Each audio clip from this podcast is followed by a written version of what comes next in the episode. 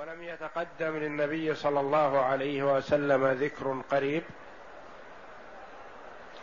وإنما ورد في الآية التي قبل هذه الإيمان والعمل الصالح. والإيمان والعمل الصالح لا يعرف إلا من طريق النبي صلى الله عليه وسلم. قال المفسرون رحمهم الله فيكفي ذلك. يكفي ما تضمنه ذكر الإيمان والعمل الصالح أن ذلك لا يعرف إلا عن طريق النبي صلى الله عليه وسلم. أن لن ينصره الله في الدنيا والآخرة في الدنيا على الأعداء وفي الآخرة بما يعطيه الله جل وعلا من الدرجات العلى والنعيم المقيم. فليمدد بسبب المد مد الشيء. فليمدد بسبب السبب المراد به هنا الحبل. المراد به الحبل لأنه يوصل بين شيئين. وهو السبب السبب الموصل بين الشيئين فليمدد بسبب أي بحبل. بسبب إلى السماء. ما المراد بالسماء؟ أهي السماء المعروفة السماء الدنيا. قال بعض المفسرين رحمهم الله. أم السماء المراد به ما علا والمراد به هنا سقف البيت سقف البيت كما هو قول ابن عباس رضي الله عنهما وجمع من التابعين. قالوا المراد بالسماء هنا سقف البيت. فليمدد بسبب إلى السماء ثم ليقطع. يقطع بذلك السبب بعدما يختنق بهذا الحبل. فلينظر هل يذهبن كيده أي هذه المكيدة التي يكيدها للنبي صلى الله عليه وسلم. هل كيده ذلك يذهب الغيظ الذي في نفسه؟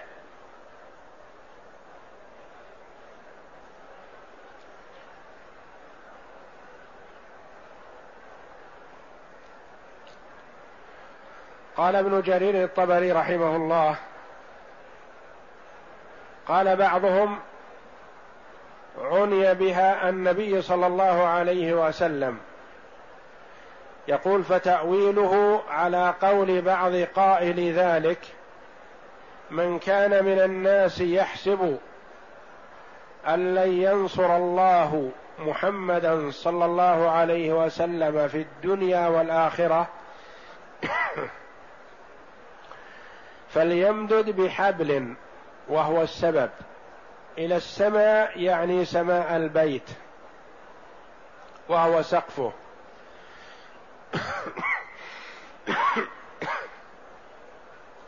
ثم ليقطع السبب بعد الاختناق به. فلينظر هل يذهبن اختناقه ذلك وقطعه السبب بعد الاختناق ما يغيظ يقول هل يذهبن ذلك ما يجد في صدره من الغيظ؟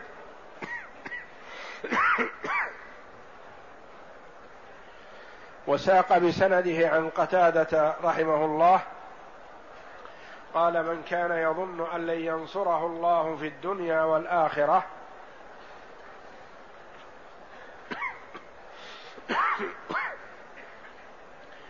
من كان يظن أن لن ينصر الله نبيه ولا دينه ولا كتابه فليمدد بسبب يقول بحبل إلى سماء البيت فليخترق به فلينظر هل يذهبن كيده ما يغيظ. وبرواية أخرى عن قتادة رحمه الله من كان يظن أن لن ينصر الله نبيه صلى الله عليه وسلم فليمدد بسبب يقول بحبل إلى سماء البيت ثم ليقطع يقول فل ثم ليخنق ثم لينظر هل يذهبن كيده ما يغيظ.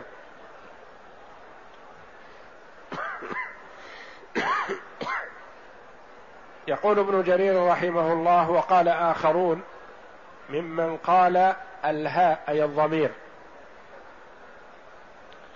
في ينصره يعود إلى النبي صلى الله عليه وسلم والسماء التي ذكرت في هذا الموضع هي السماء المعروفة. يعني رواية أخرى حديث آخر بخلاف الرواية المروية عن قتادة رحمه الله. ساق بسنده عن ابن زيد. في قوله تعالى من كان يظن أن لن ينصره الله في الدنيا والآخرة فقرأ حتى بلغ هل يذهبن كيده ما يغيظ؟ قال من كان يظن أن لن ينصر الله نبيه صلى الله عليه وسلم ويكابد هذا الأمر ليقطعه عنه. يعني كأنه يقول إنه يقف في طريق نصرة الله جل وعلا لعبده ورسوله محمد صلى الله عليه وسلم. فليقطع ذلك من أصله حيث يأتيه فإن أصله في السماء فليمدد بسبب إلى السماء ثم ليقطع عن النبي صلى الله عليه وسلم الوحي الذي يأتيه من الله فإنه لا يكايده حتى يقطع أصله عنه. فيكايد ذلك حتى قطع أصله فلينظر هل يذهبن كيده ما يغيظ ما دخلهم من ذلك وغاضهم الله به من نصرة النبي صلى الله عليه وسلم وما ينزل عليه. معنى قول قتادة رحمه الله. والمراد بالسماء هنا سقف البيت على تفسير قتادة وهو المروي عن ابن عباس. يقول من كان يعتقد أنه بمكايدته للنبي صلى الله عليه وسلم أن الله لا ينصره. فإن الله ناصره لا محالة. وحينئذ هذا الذي كايد النبي صلى الله عليه وسلم سيصيبه الغيظ الشديد. ولن يتخلص من غيظه إلا بوسيلة واحدة وهو أن يعلق حبلا في سقف بيته ويربطه برقبته وليخنق نفسه بذلك. أي أن الله ناصر نبيه لا محالة. وإن اغتاظ المغتاظون. والمعنى الآخر المروي عن ابن زيد رحمه الله. يقول من كان يعتقد أنه بمكايدته للنبي صلى الله عليه وسلم لن ينصر الله رسوله يعني أن مكايدته ستغلب. من كان يظن ذلك فليس له طريق إلى إنجاح هذا الشيء الذي يريده إلا شيء وحيد وهو أن يعلق حبلا في السماء ثم ليصعد بهذا الحبل ثم ليمنع وليقفل الباب الذي ينزل منه الوحي للنبي صلى الله عليه وسلم. وبذلك إن استطاع هذا الشيء فإن دين محمد صلى الله عليه وسلم سيضمحل ولن ينصره الله.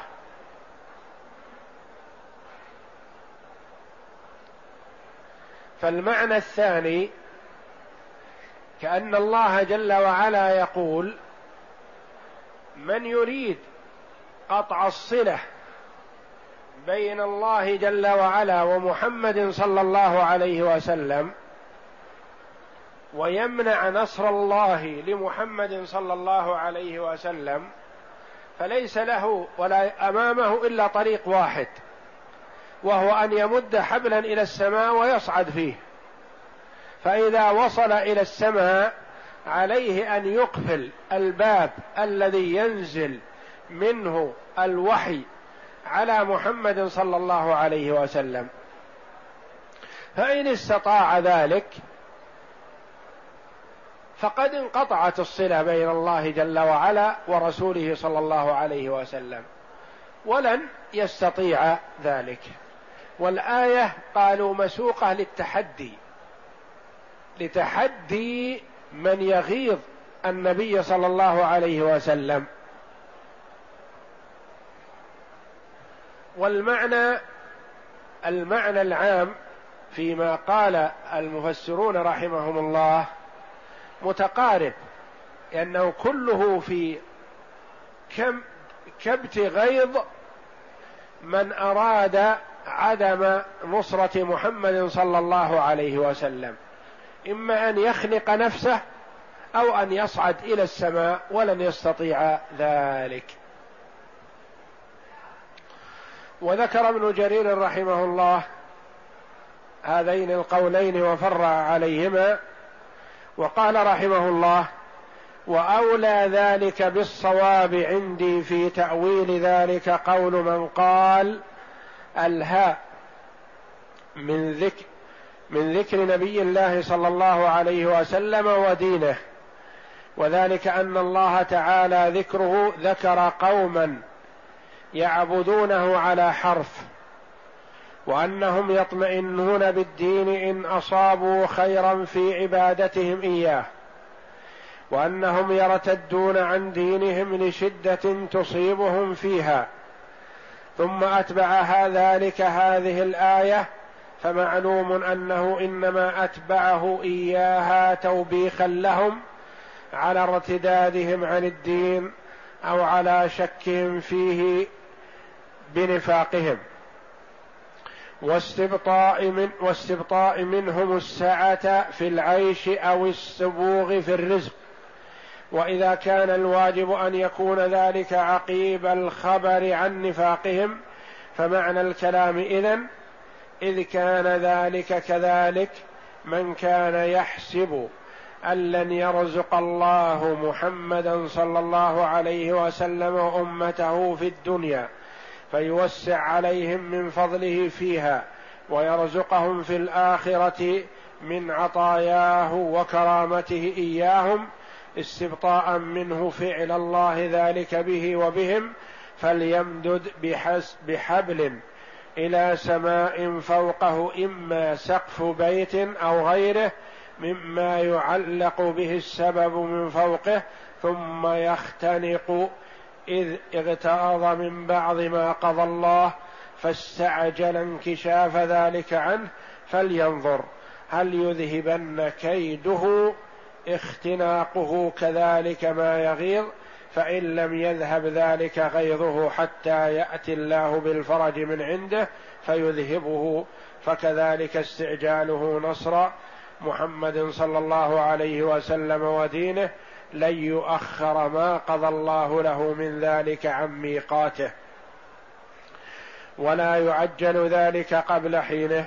وقد ذكر أن هذه الآية يقول ابن جرير نزلت في أسد وغطفان تباطؤوا عن الإسلام وقالوا نخاف الا ينصر محمد صلى الله عليه وسلم فينقطع الذي بيننا وبين حلفائنا من اليهود فلا يميروننا ولا يعطوننا فقال الله تبارك وتعالى لهم من استعجل من الله نصر محمد فليمدد بسبب إلى السماء فليختنق ثم فلينظر استعجاله بذلك في نفسه هل هو مذهب غيظه فكذلك استعجاله من الله نصر محمد غير مقدم نصره قبل حينه أي أن الله جل وعلا محقق نصره محمدا صلى الله عليه وسلم ولن يتأخر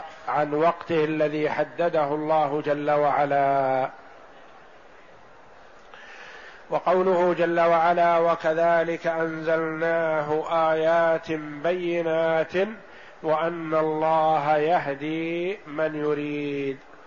يعني وكذلك أنزل الله جل وعلا القرآن آيات بينات يعني واضحات مبينات للحق مظهرات له مبينات للباطل مبينات له. وما بقي إلا الهداية التي هي التوفيق والإلهام. فالله جل وعلا يهبها لمن يشاء تفضلا ويمنعها من يشاء عدلا منه سبحانه وتعالى. فالآيات آيات القرآن بينات واضحات. وما بقي إلا ما بيد الله جل وعلا وهو التوفيق. فالقرآن فيه الهداية التي هي الدلالة والإرشاد. والله جل وعلا عنده هداية الدلالة والإرشاد وعنده التوفيق والإلهام. فهو جل وعلا يهدي من يشاء تفضلا منه ورحمة ويضل ويمنع الهداية عمن يشاء عدلا منه سبحانه وتعالى. والله أعلم وصلى الله وسلم وبارك على عبده ورسول نبينا محمد وعلى آله وصحبه أجمعين.